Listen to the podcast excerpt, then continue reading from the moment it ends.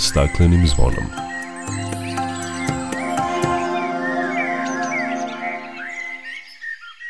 Dobar dan i dobrodošli na Zeleni talas prvog programa radija Radio Televizije Vojvodine. Ja sam Dragana Ratković. Svake godine s porastom vodostaja Drine rastu količine otpada. Čućete o situaciji ovih dana. Državna revizorska institucija uradila je reviziju u Ministarstvu zaštite životne sredine, Direkciji za vode, Agenciji za zaštitu životne sredine kao i Elektroprivredi Srbije. Čućete šta se kaže u izveštaju o upravljanju opasnim otpadom, industrijskim vodama i zašto je elektroprivreda Srbije navedena kao najveći zagađivač voda u Srbiji, kao i šta na to kažu u EPS-u. Povodom 2. februara Svetskog dana vlažnih staništa govorit ćemo o značaju vlažnih područja za prirodu i ljude. Biće reči i o specijalnom izdanju magazina Ekolist Zeleni puls Evrope koji je predstavljen u Beogradu, kao i o jubileju 40 godina emitovanja ekološkog magazina Čekajući vetar Beograda 2. O svemu tome nakon pozdravne pesme. Dok priroda za vladarskim svojim tronom. Tužno vele narikače pod staklenim smo zvonom. Znaj vazduha više nema sve manje je i ozona. Protiv sebe ide čovek i to često bez pardona uništenju živog sveta Kao da su ljudi skloni Čovek sam je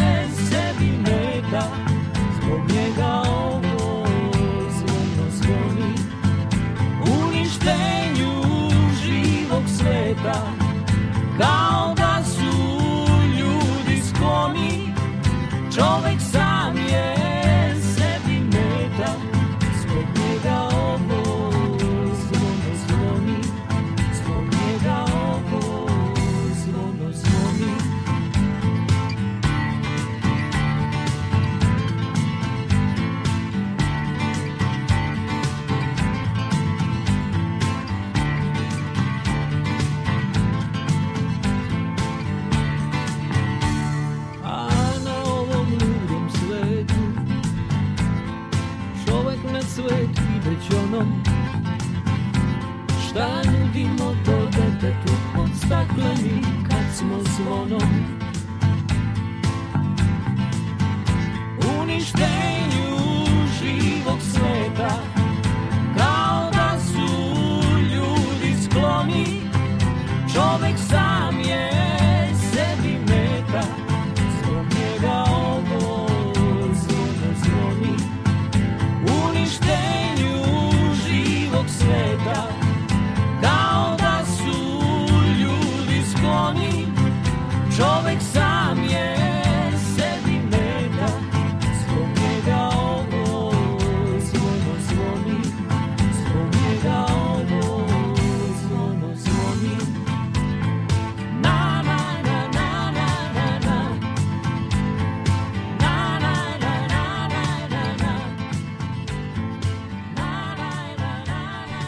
Bez obzira na to što svakodnevno govorimo o problemu upravljanja otpadom, o divljim deponijama koje ne samo što izgledaju ružno, nego i značajno utiču na životnu sredinu, iz godine u godinu slike nagomilanog otpada na Drini se ponavljaju. Kako Drina izgleda ovih dana, o tome Katarina Radulović.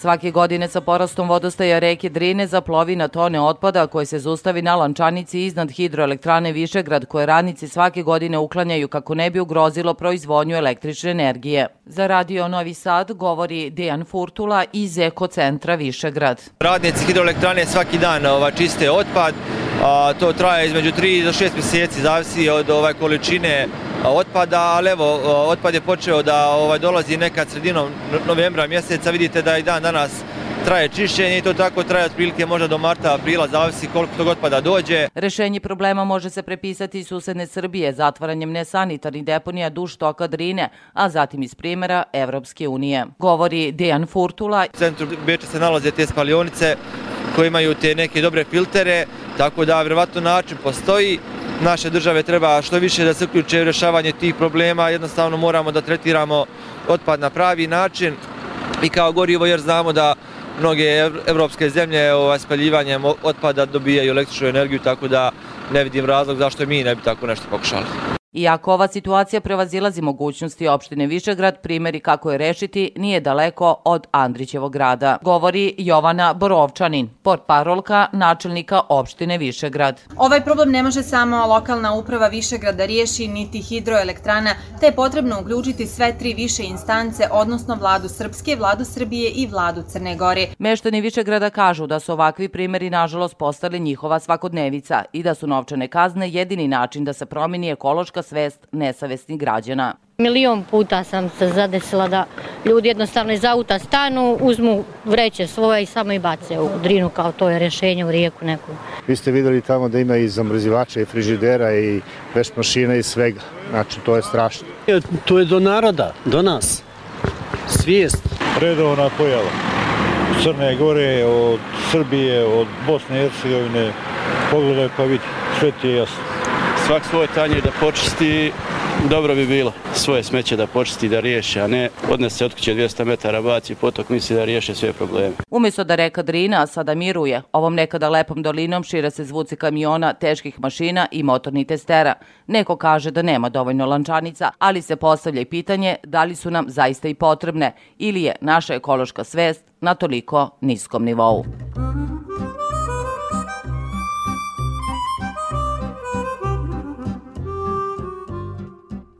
U Srbiji nije uspostavljen redovan sistem sakupljanja opasnog otpada, raspoloživi kapaciteti za fizičko-hemijski tretman i odlaganje opasnog otpada su ograničeni, dok kapaciteti za skladištenje opasnog otpada nisu dovoljni, pokazala je revizija svrsishodnosti upravljanja opasnim otpadom državne revizorske institucije.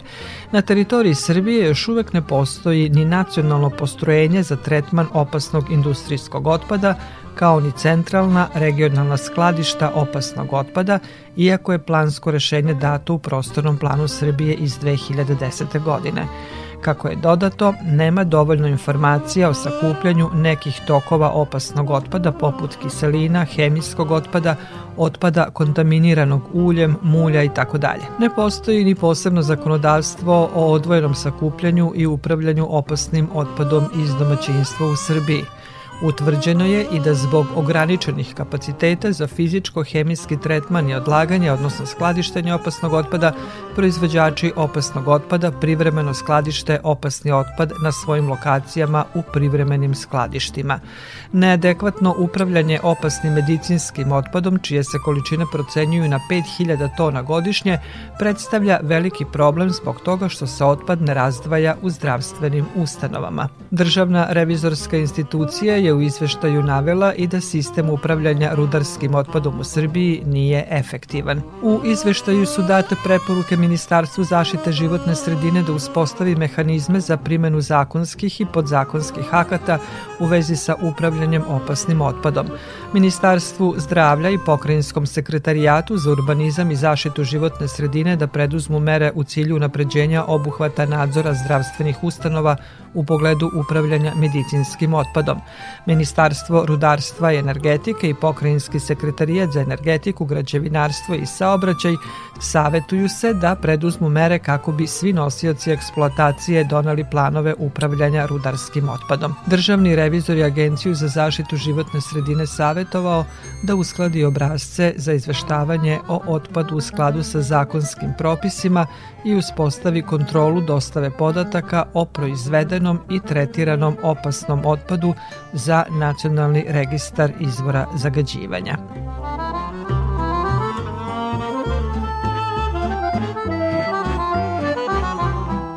A Državna revizorska institucija nakon revizije svrsishodnosti upravljanja industrijskim vodama upozorava da su industrijske otpadne vode glavni zagađivač voda u Srbiji. Revizija je obavljena u Ministarstvu zaštite životne sredine, Direkciji za vode, Agenciji za zaštitu životne sredine, kao i elektroprivredi Srbije kao najvećem zagađivaču.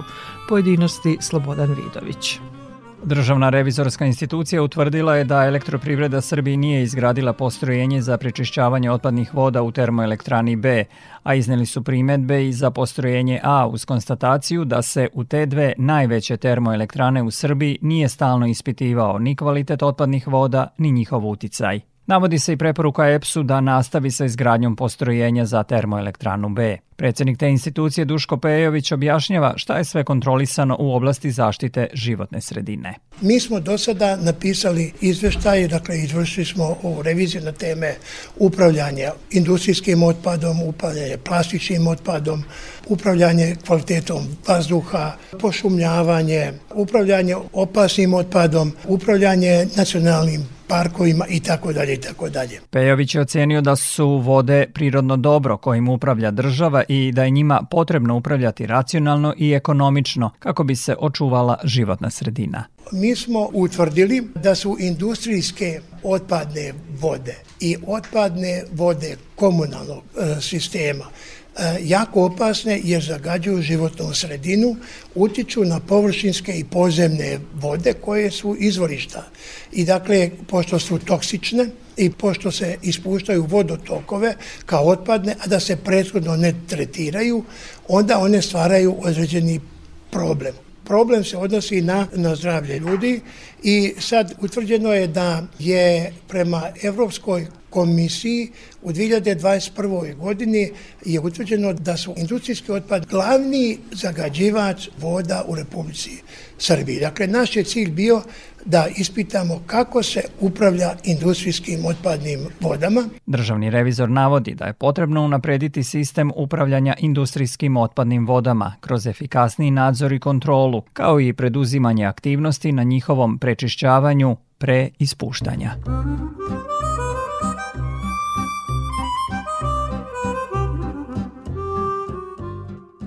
Na izveštaj Državne revizorske institucije reagovao je EPS. U saopštenju koje su objavili kaže se da kvalitet površinskih i podzemnih voda u okolini termoelektrane Nikola Tesla B prate redovno od 1983. i sve analize ukazuju da rad Tenta B ne utiče na kvalitet reke Save i da je kvalitet reke uzvodno i nizvodno od termoelektrane u dobrom ekološkom statusu. U elektroprivredi Srbije tvrde da oni nisu najveći generator industrijskih otpadnih voda u Srbiji, što, kažu, potvrđuje i studija o proceni uticaja na životnu sredinu od septembra prošle godine. U saopštenju se navodi i da elektroprivreda Srbije svake godine u januaru dostavlja izveštaje o ispitivanju otpadnih voda nadležnim državnim organima, te da se u izveštaju revizora ne pominje da je rok za početak rada postrojenja za prečišćavanje otpadnih voda u Tentu B 31. decembar 2025. godine.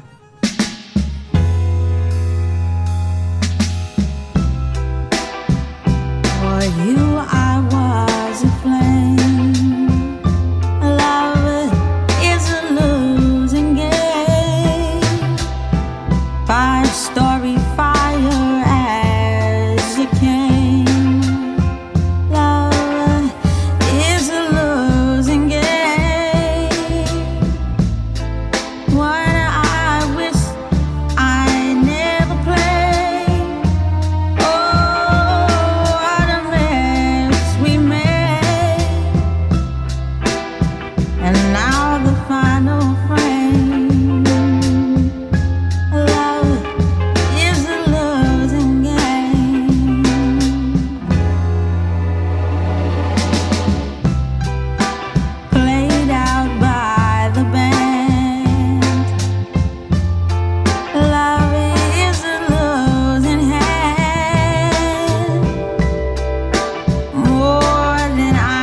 stay.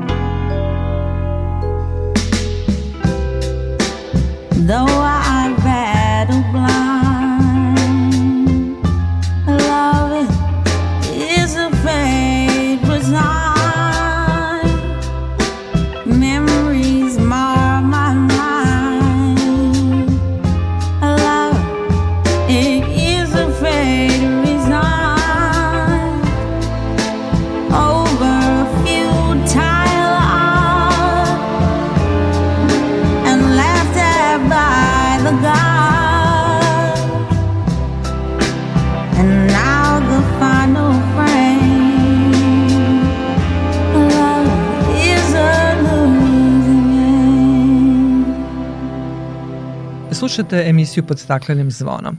Svake godine 2. februara obeležava se Svetski dan vlažnih staništa kako bismo podigli globalnu svest o njihovom značaju za ljude i našu planetu.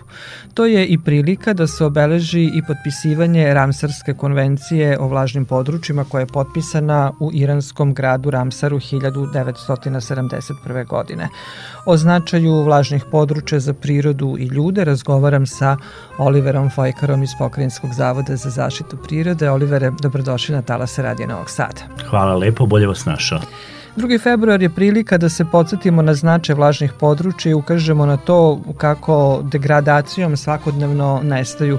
Kažu da je za nešto više od 50 godina od kada je potpisana Ramsarska konvencija nestalo više od 35% vlažnih staništa. Kada slušaju ljudi, pa kad vi kažete vlažna staništa, močvarna staništa, sigurno se mnogi pitaju pa šta vam je to, zašto je to bitno uopšte i tako dalje.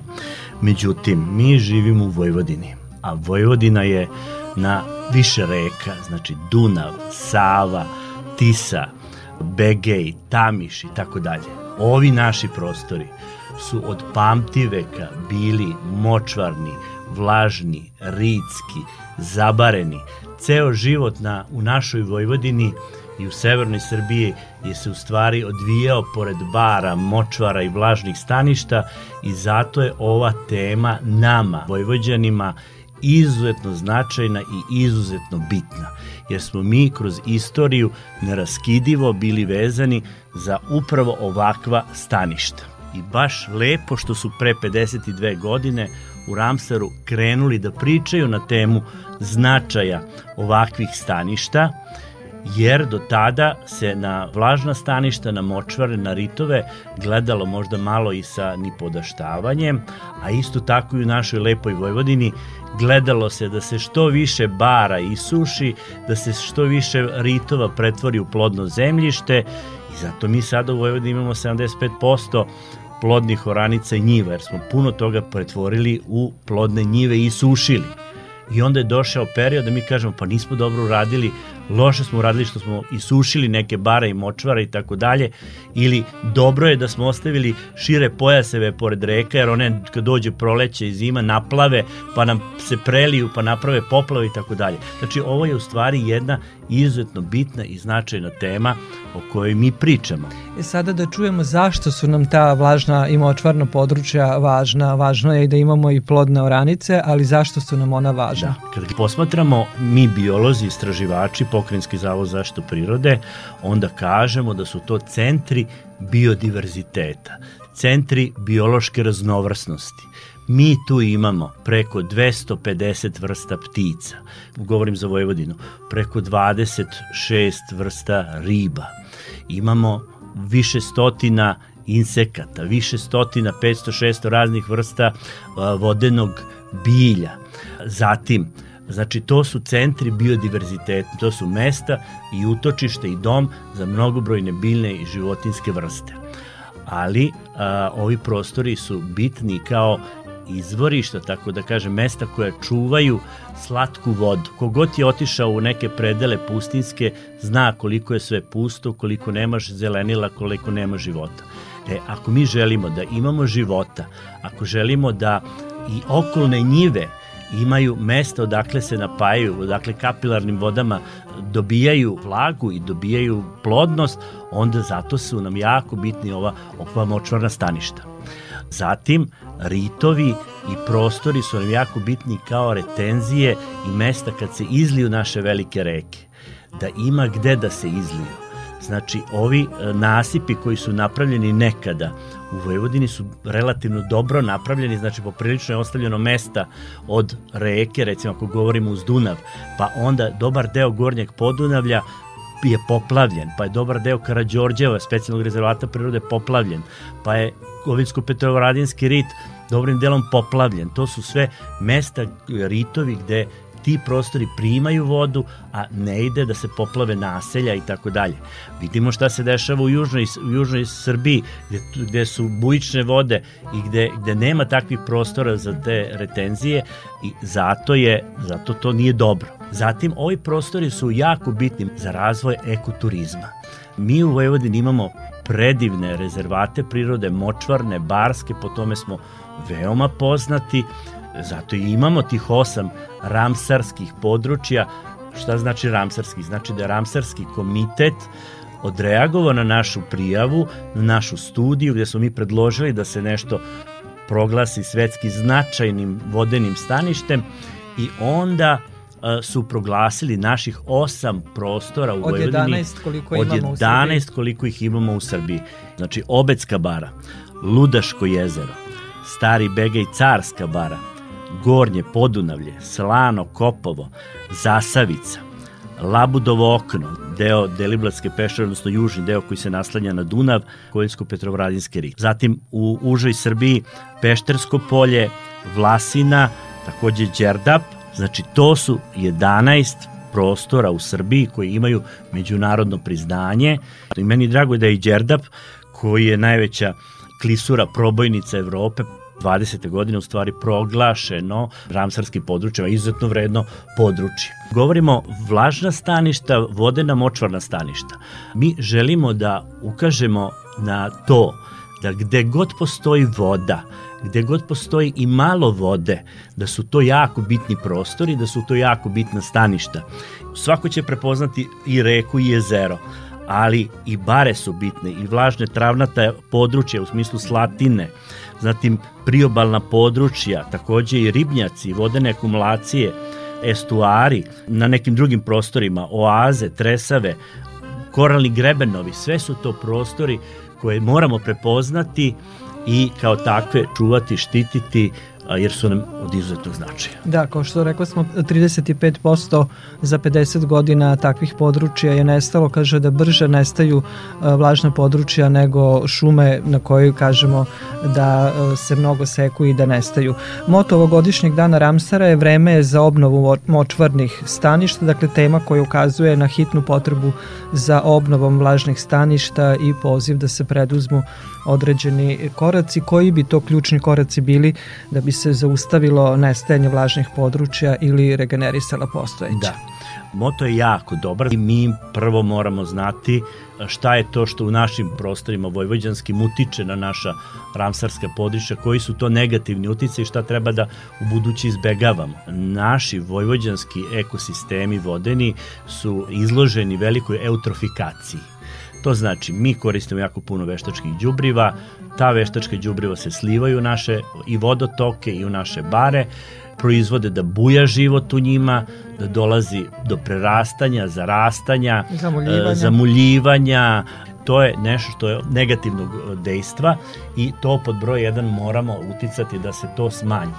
Takođe, kao ljudi, kao e, civilizacija moramo početi da prečišćavamo otpadne vode. Ne smemo dozvoliti da naše otpadne vode se ulivaju u neke naše vodotoke i u naše reke, ali i u naša jezera i u Palić i u Jegričku i tako dalje, jer time pospešujemo zagađenje, pospešujemo takođe zamuljivanje i moramo početi da prečišćavamo i moramo početi da, da radimo na tome da pomognemo ovim vodenim staništima, jer će se u suprotnom desiti da, da će nam nestati. Koje mere Zavod preporučuje i sprovodi kada je reč o zaštiti ovih močvarnih e, staništa ili vlažnih područja? Rekli smo, osam ih je u Vojvodini. Jeste. Ja ću konkretno da vam odgovaram. Obecka bara je specijalni rezervat prirode i ramsarsko područje prvo ramsarsko područje na našim prostorima, a i u bivšoj Jugoslaviji. I najstarije zaštićeno Najstarije područje. zaštićeno područje kod nas ima zaštitu od 1874. godine, to je prva zaštita koja je neko područje u Austro-Ugarskoj monarhiji Obetska bara dobila. A, pre 30 godina na ovoj Obetskoj bari je pokrenut jedan projekat mladih istraživača Srbije koji se zvao Povratak Ibisa i dan danas se zove i dan danas traje. Mladi istraživači Srbije u saradnji sa Zavodom, u saradnji sa upravljačem Vojvodina šumama, već 30 godina rade na obnovi vlažnih livada i pašnjaka. U smislu one su krenule da zarastaju i počet je proces da se taj rast, podrast grmlja i invazivnog bilja uklanja i da se te livade i dalje ostane da budu plavne i da na njima mogu da se hrane močvarne ptice.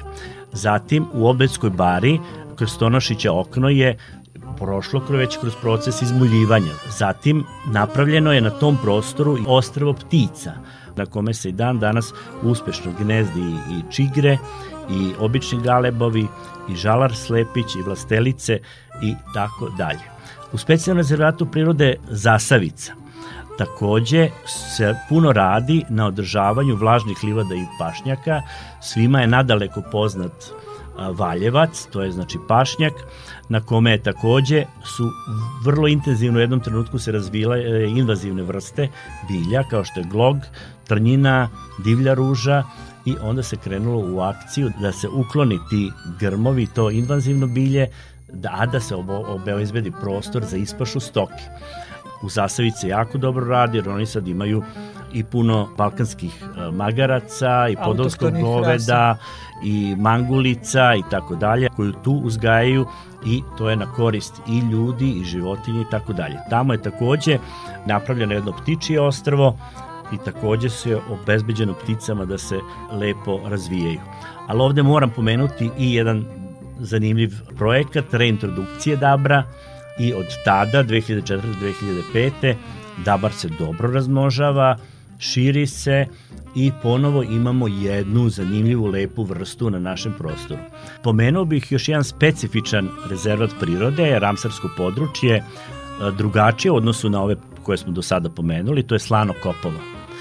Reč je o rezervatu koji se nalazi pored Novog Bečeja i reč je o ekstremnom slanom jezeru koje u toku leta može se desiti ili često presušuje. To je čudan prostor koji jednostavno je, se nalazi na Solončaku na najljućoj slatini i kako kažem nivo vode tu osciluje a nivo vode je tu počeo da osciluje kako je izgrađena i kanalska mreža i neki kanali nedaleko odatle i tako dalje i moram reći da je napravljen jedan projekat pomoći slanom Kopovu koji je, eto kažem, specifičan. Pored slanog kopova se nalazi malo jezero koje je slatke vode, poštino kopovo i onda su stručnjaci iz vodoprivrede došli do zaključka da bi se trebalo upumpavati slatka voda u poštino kopovo, a da se iz poštenog kopovog ceđenjem voda podzemnim putem dođe do slanog kopova.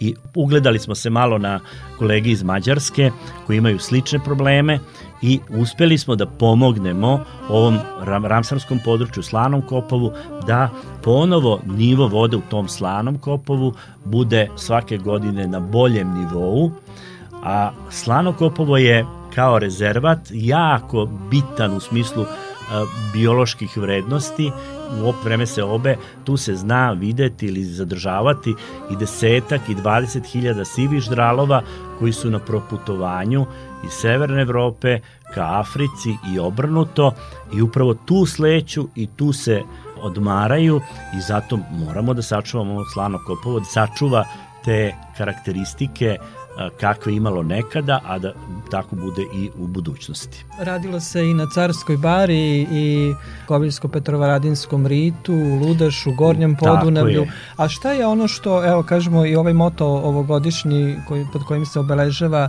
Dan vlažnih područja, Dan Ramsara, vreme je za obnovu. Šta bi trebalo u budućnosti možda i da li postoji neki projekat na ovim ramsarskim područjima koji se radi ili ne postoji, a trebalo bi uraditi. Ja moram reći da puno se razmišlja o ovome, e, šta i kako pomoći. Moram pomenuti da su ovo jako skupi projekti. Ovo što smo mi rekli, izmuljeno je ovde, toliko i toliko tona mulja, ali to su teški radovi, to su skupi radovi.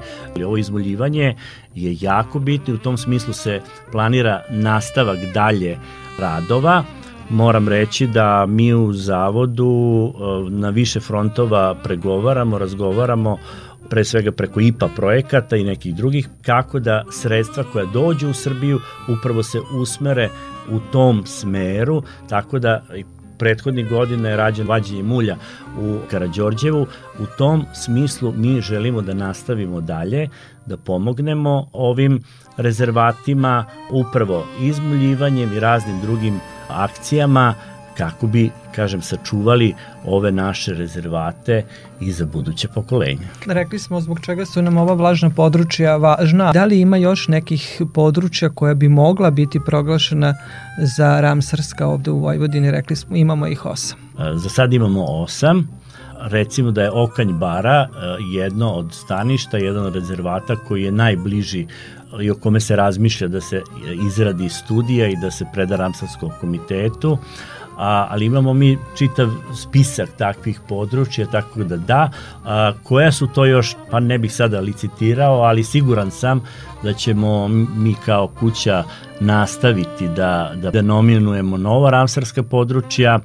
Proces od proglašenja nekog zaštićenog područja, dug proces.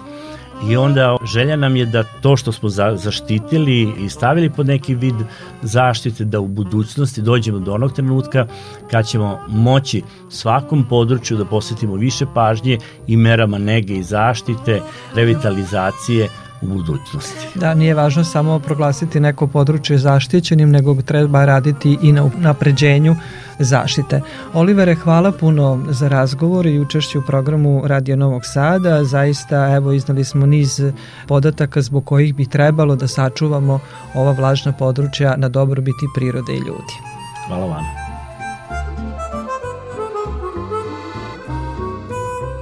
Slušate emisiju pod staklenim zvonom.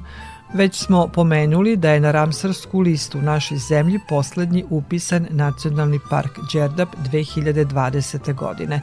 U Nacionalnom parku Đerdap ima svega 10 do 12 jedinki risa, koje su kod nas strogo zaštićena divlja vrsta.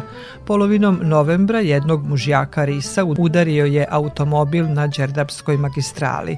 On se oporavio i ovih dana je vraćen u svoje stanište. Oporavljeni ris, kojeg su u Nacionalnom parku Đerdap nazvali Rista, dobio je GPS ogrlicu kojom će se narednih godinu dana pratiti njegovo kretanje, te će se dobiti podaci i o teritoriji kojom se kreće.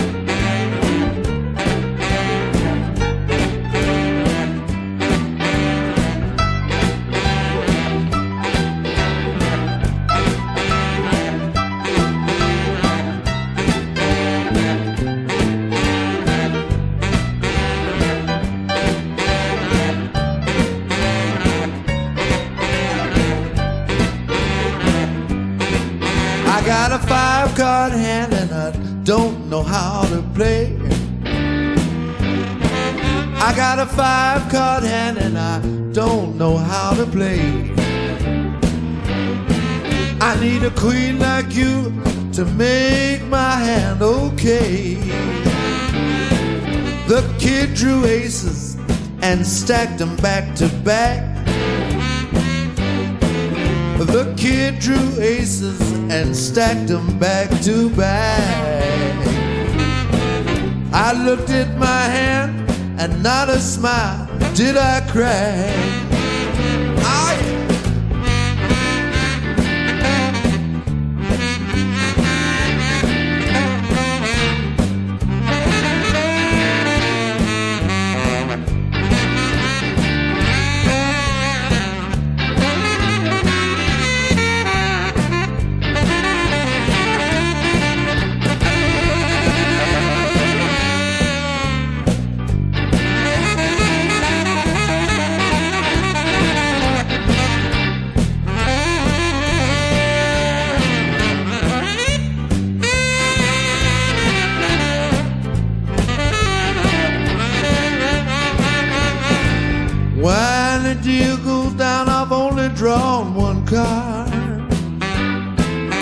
The deal goes down, I've only drawn one card. And if you play poker, you'll know that sure is hard. The kid spread his hand and then began to blush. The kid spread his hand and then began to blush. Well, his face turned pale when I spread my green high flush. Oh, yeah.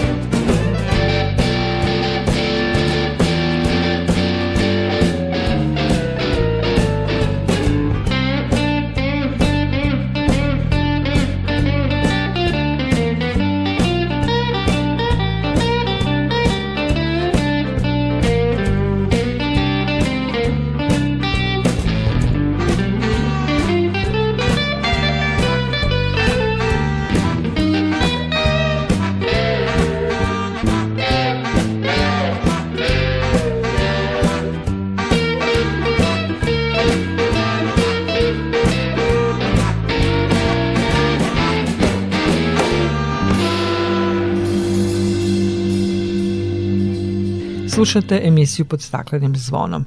Zadnji dan januara u Beogradu je predstavljeno specijalno izdanje magazina Ekolist Zeleni puls Evrope koje je nastalo u saradnji sa projektom Puls Evrope medijske posete Evropskoj uniji koji je omogućio novinarima studijske posete zemljama Evropske unije.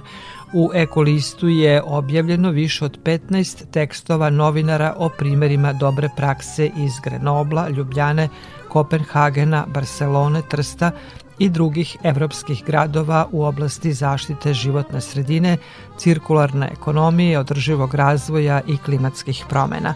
Vođa projekta Puls Evrope medijske posete Evropskoj uniji Marina Rakić izjavila je da su za ekološke teme novinari bili najviše zainteresovani. Ono što je vrlo upečatljivo to je da je od svih e, tema kojima su se bavili novinari, a one su vrlo raznolike, zaštita životne sredine ubedljivo e, na prvom mestu u smislu i interesovanja novinara i kasnijih tekstova koje novinari objavljuju. I zato su se mi odlučili da zajedno sa Ekolistom objavimo posebno izdanje Ekolista koje je nazvan Zeleni puls Evrope.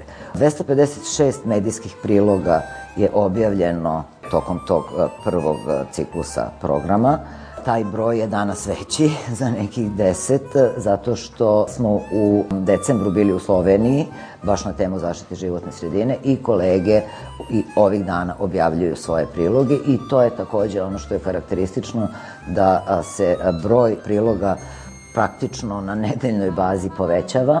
Ono što nam je jako drago to je da smo videli da vrlo često priloge novinara iz Srbije preuzimaju i mediji u regionu tako da smo ih čitali na crnogorskim portalima i na portalima u Bosni i Hercegovini i to prosto pokazuje da obrađujemo prave teme, ali takođe i da se radi o kvalitetnom medijskom sadržaju. U okviru ovog broja medijskih priloga više od 4 sata je radijskog programa, više od 6 sati televizijskog programa, takođe brojke koje se povećavaju, a 18 predstavnika stakeholder organizacija je bilo sa nama, tako da prosto širimo geografski prostor iz koga će novinari moći da izveštavaju. Obrađivali smo jako veliki spektar tema i kakva god da je bila tema posete, čak da nema ni na, na papiru nikakve veze sa životnom sredinom, a u svim susretima u, u evropskim zemljama tema životne sredine se na neki način nametnula. Tako da, jako je važno da se bavimo zaštitom životne sredine. Svi znamo da je to ključna tema u celom svetu i nadam se da će nam i dalje zaštita životne sredine biti u fokusu, to je sigurna sam, tako da ćemo imati i Zeleni puls Evrope broj 2. Marina Rakić je najavila da će u nastavku projekta biti organizovana grupna putovanja ne samo u države članice Evropske unije, nego i u zemlje Zapadnog Balkana i Istočnog partnerstva i Veliku Britaniju.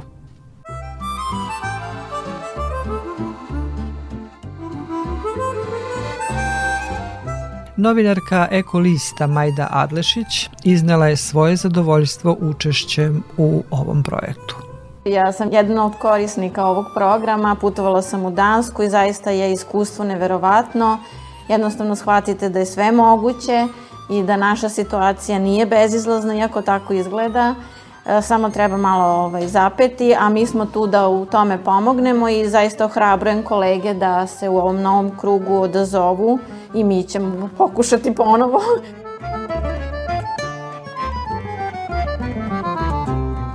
Klimatolog Vladimir Đurđević, koji je prisustvovao promociji specijalnog izdanja magazina Ekolist Zeleni puls Evrope, nije iznenađen velikim interesovanjem novinara za ekološke teme, jer se u Evropi dešavaju velike transformacije zbog primene zelenog dogovora i prvi rezultati se već vide. Evropa ima zaista super ambiciozne planove po pitanju transformacije energetskog sistema i implementacije zelenih tehnologija, iako u našim medijima ili na osnovu čitanja naših medija čovjek bi zaključio da evropljani vraćaju termoelektrane zato što su u Nemačkoj jednu stavili u neki režim tihog grada za svaki slučaj i to se prenosi kao da je cela Evropa da se vraća na ugalj. To nije istina, znači Evropa ima vrlo, vrlo ambiciozne planove, recimo po pitanju solara, po pitanju vetra, po pitanju hidrogena, po pitanju drugih načina čuvanja energije i optimizacije njene potrošnje i to će se tek videti. Nažalost, mi kao zemlja nećemo učestvovati u tome, pošto nismo spremni ni da percipiramo o tom pitanju u smislu nekih naših potencijalnih planova, a kamoli da učestvujemo u tako nečemu. Tako da će taj zeleni talas našu zemlju vjerojatno da zahvati tek za jedno deseta godina, ja kažem nažalost, ali e, situacija je jednostavno takva, znači, ali imaćemo prilike bar da vidimo kako, kako to izgleda u drugim zemljama. Prema rečima profesora Đurđevića, glavni razlog zašto u Evropi postoji jedan veliki zeleni zamah su klimatske promene. Trenutno je planeta za 1,2 stepena toplija nego što je bilo na početku industrijske revolucije i ovo je anomalija, da kažem, ili odstupanja ili brzina promene koja nikada nije viđena u istoriji, geološkoj istoriji naše planete Zemlje. Prethodna godina bila je peta najtoplija godina od kad postoje merenja.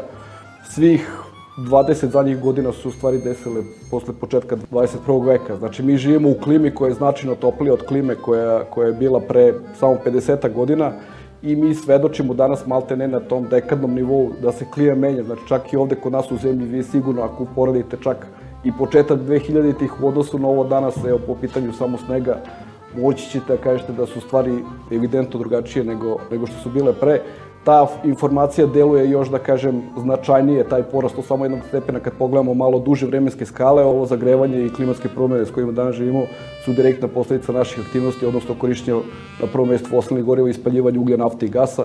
Mi smo povećali koncentraciju ugljen dioksida u atmosferi za 50% i danas efekat staklene bašte radi po znacima navoda bolje nego pre, ostaje više energije u sistemu i planeta je jednostavno toplija. U Srbiji je prošla godina bila druga najtoplija ikada, 2022. godina, i u celoj Evropi je bila druga najtoplija ikada. U Evropi je bilo najtoplije leto ikada i verovatno klimatski događaj koji je obeležio prošle godine u Evropi bila je suša, čije su štete procenjene nekoliko desetina milijardi eura.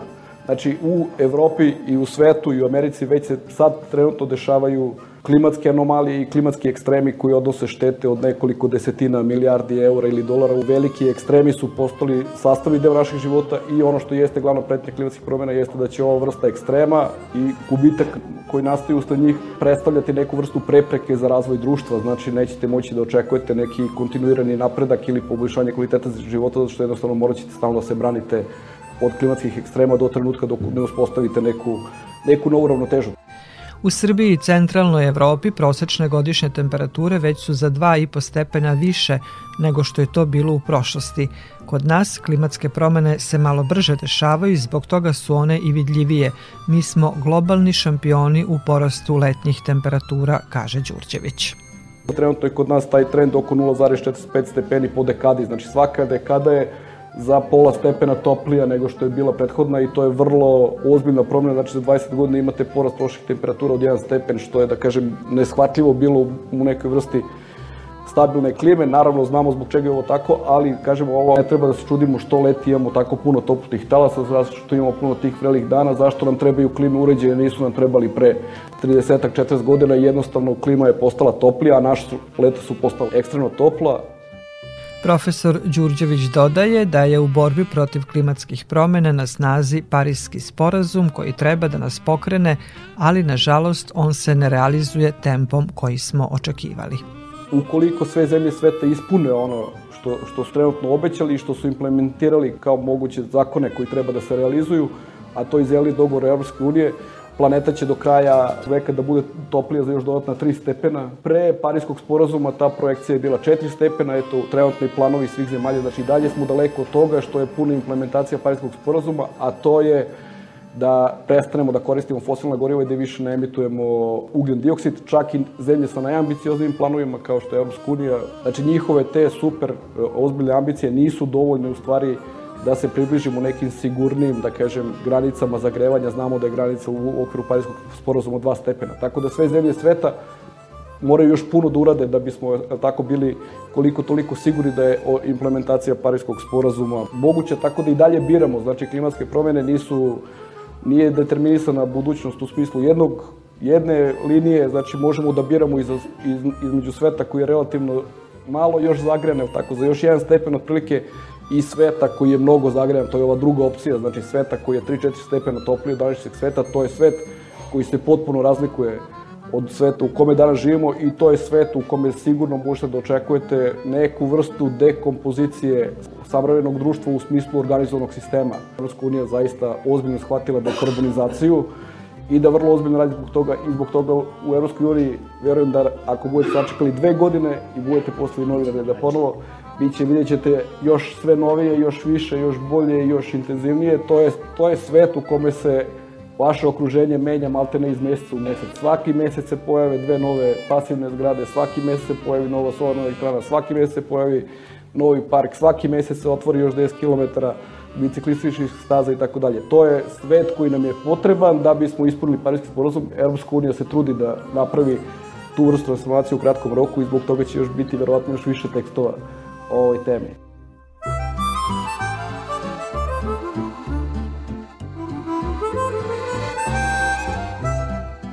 Slušate emisiju pod staklenim zvonom.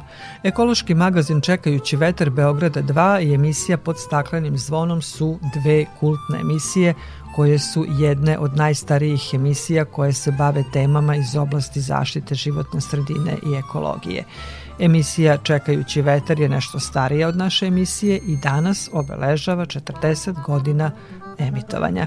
Čestitke za ovaj vredan jubilej uputila sam koleginici Aleksandri Vukićević koja mi je ispričala kako je sve krenulo. To je bila prva subota u februaru, to je tada bio 3. februar 1983. godine.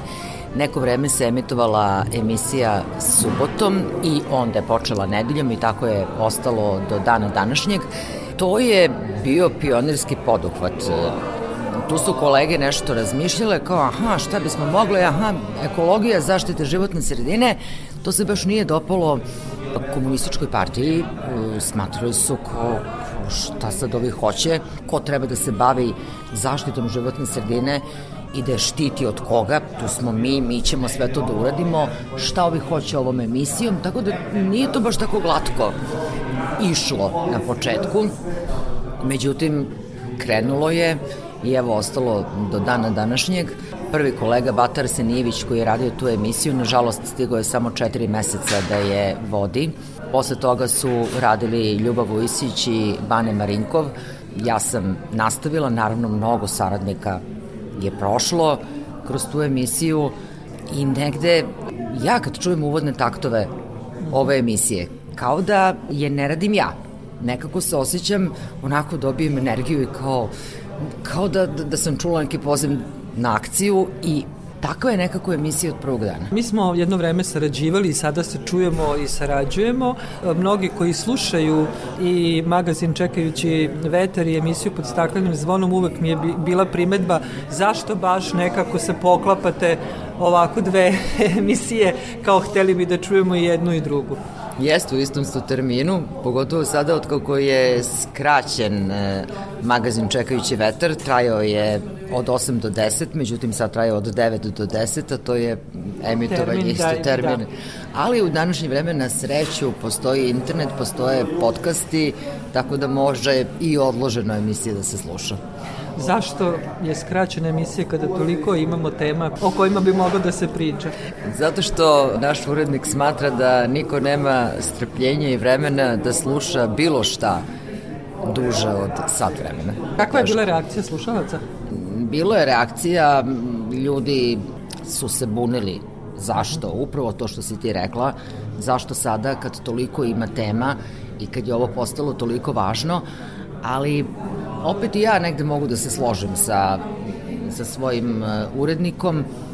U sat vremena svake nedelje, pa idemo malo po malo, stignemo, stignem ja da obradim jedno, tri, četiri teme. Neke teme, naravno, nisu samo jednom, nego pratimo šta se dešava. I ono što bih ja, brate, volala, to je da možemo i više da utičemo na rešavanje nekih problema. Tako mi je bilo i žao i drago kada sam slušala Gordanu Brun koja je bila u prvom ministarstvu za zaštitu životne sredine i uopšte o tom vremenu. Tada je bilo dovoljno da pozoveš direktora neke institucije. Ministarstvo je reagovalo na sve. Ministarstvo je bilo to koje prvo tražilo ako se desi neki akcident da se to čuje. Odmah su se sazivali konferencije za novinare. Ništa se nije krilo. Ali to je ostalo u tom vremenu i sad ponovo moramo da se izborimo za to. Ekološki magazin Čekajući vetar pod staklenim zvonom ukazuju na neke probleme, pa sigurno da odatle kreće možda i neka inicijativa. Pa jeste, ja se nadam da doprinosimo, a sigurno doprinosimo imam utisak da taj osjećaj raste kod ljudi. To je prirodno. To je u svima nama. Ja ne znam zašto smo mi morali ponovo da učimo da volimo životnu sredinu, da volimo sredinu u kojoj smo i da shvatamo da smo deo prirode. To nema ništa prirodnije nego se tako da, ponašati. Da. da. Na kraju, naravno, sve čestitke, da budeš istrena u tome što radiš i da emisija doživi još 40 godina najmanje. Hvala mnogo. E, ja e, sad ću imati jednu emisiju koja je posvećena baš tom vremenu i tim ljudima i tim prvim godinama današnji vetar ide pa ide. Nadam se da će za, ne znam, 10, 20, 30, 40 godina neki drugi ljudi koji budu radili ovu emisiju moći da su osvrnu nazad i da kažu aha, to su bili neki koraci, evo mi smo sada uspeli, ne znam, živimo u nekom potpuno drugačijem svetu, tako da ja želim da i čekajući vetar i pod staklenim zvonom budu emisije koje će da ostanu i da radi i opstane. Bez obzira što su radio proricali da će da propadne usled e, razvoja raznih e, tehnologija, međutim pokazalo se suprotno, ljudi sve više vole da slušaju radio. Hvala još jednom. Hvala.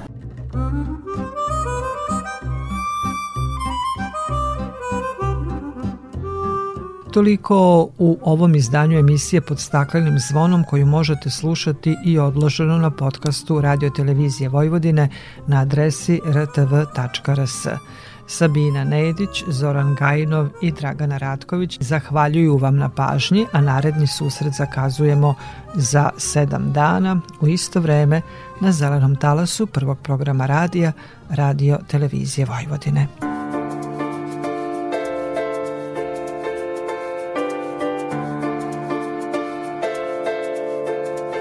Come on, hold my hand.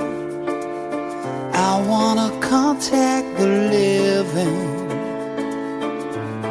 Not sure I understand this road I've been given.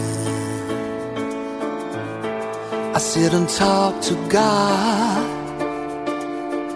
and He just laughs at my plans.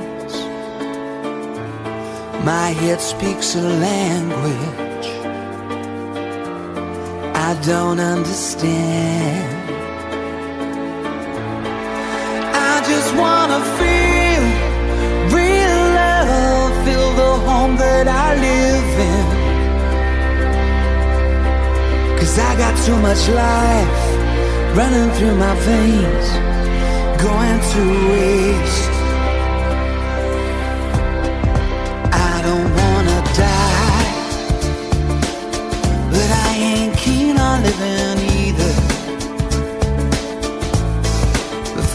Fall in love. I'm preparing to leave her, scare myself to death. That's why I keep on running before I've arrived. I can see myself coming. I just want home that I live in.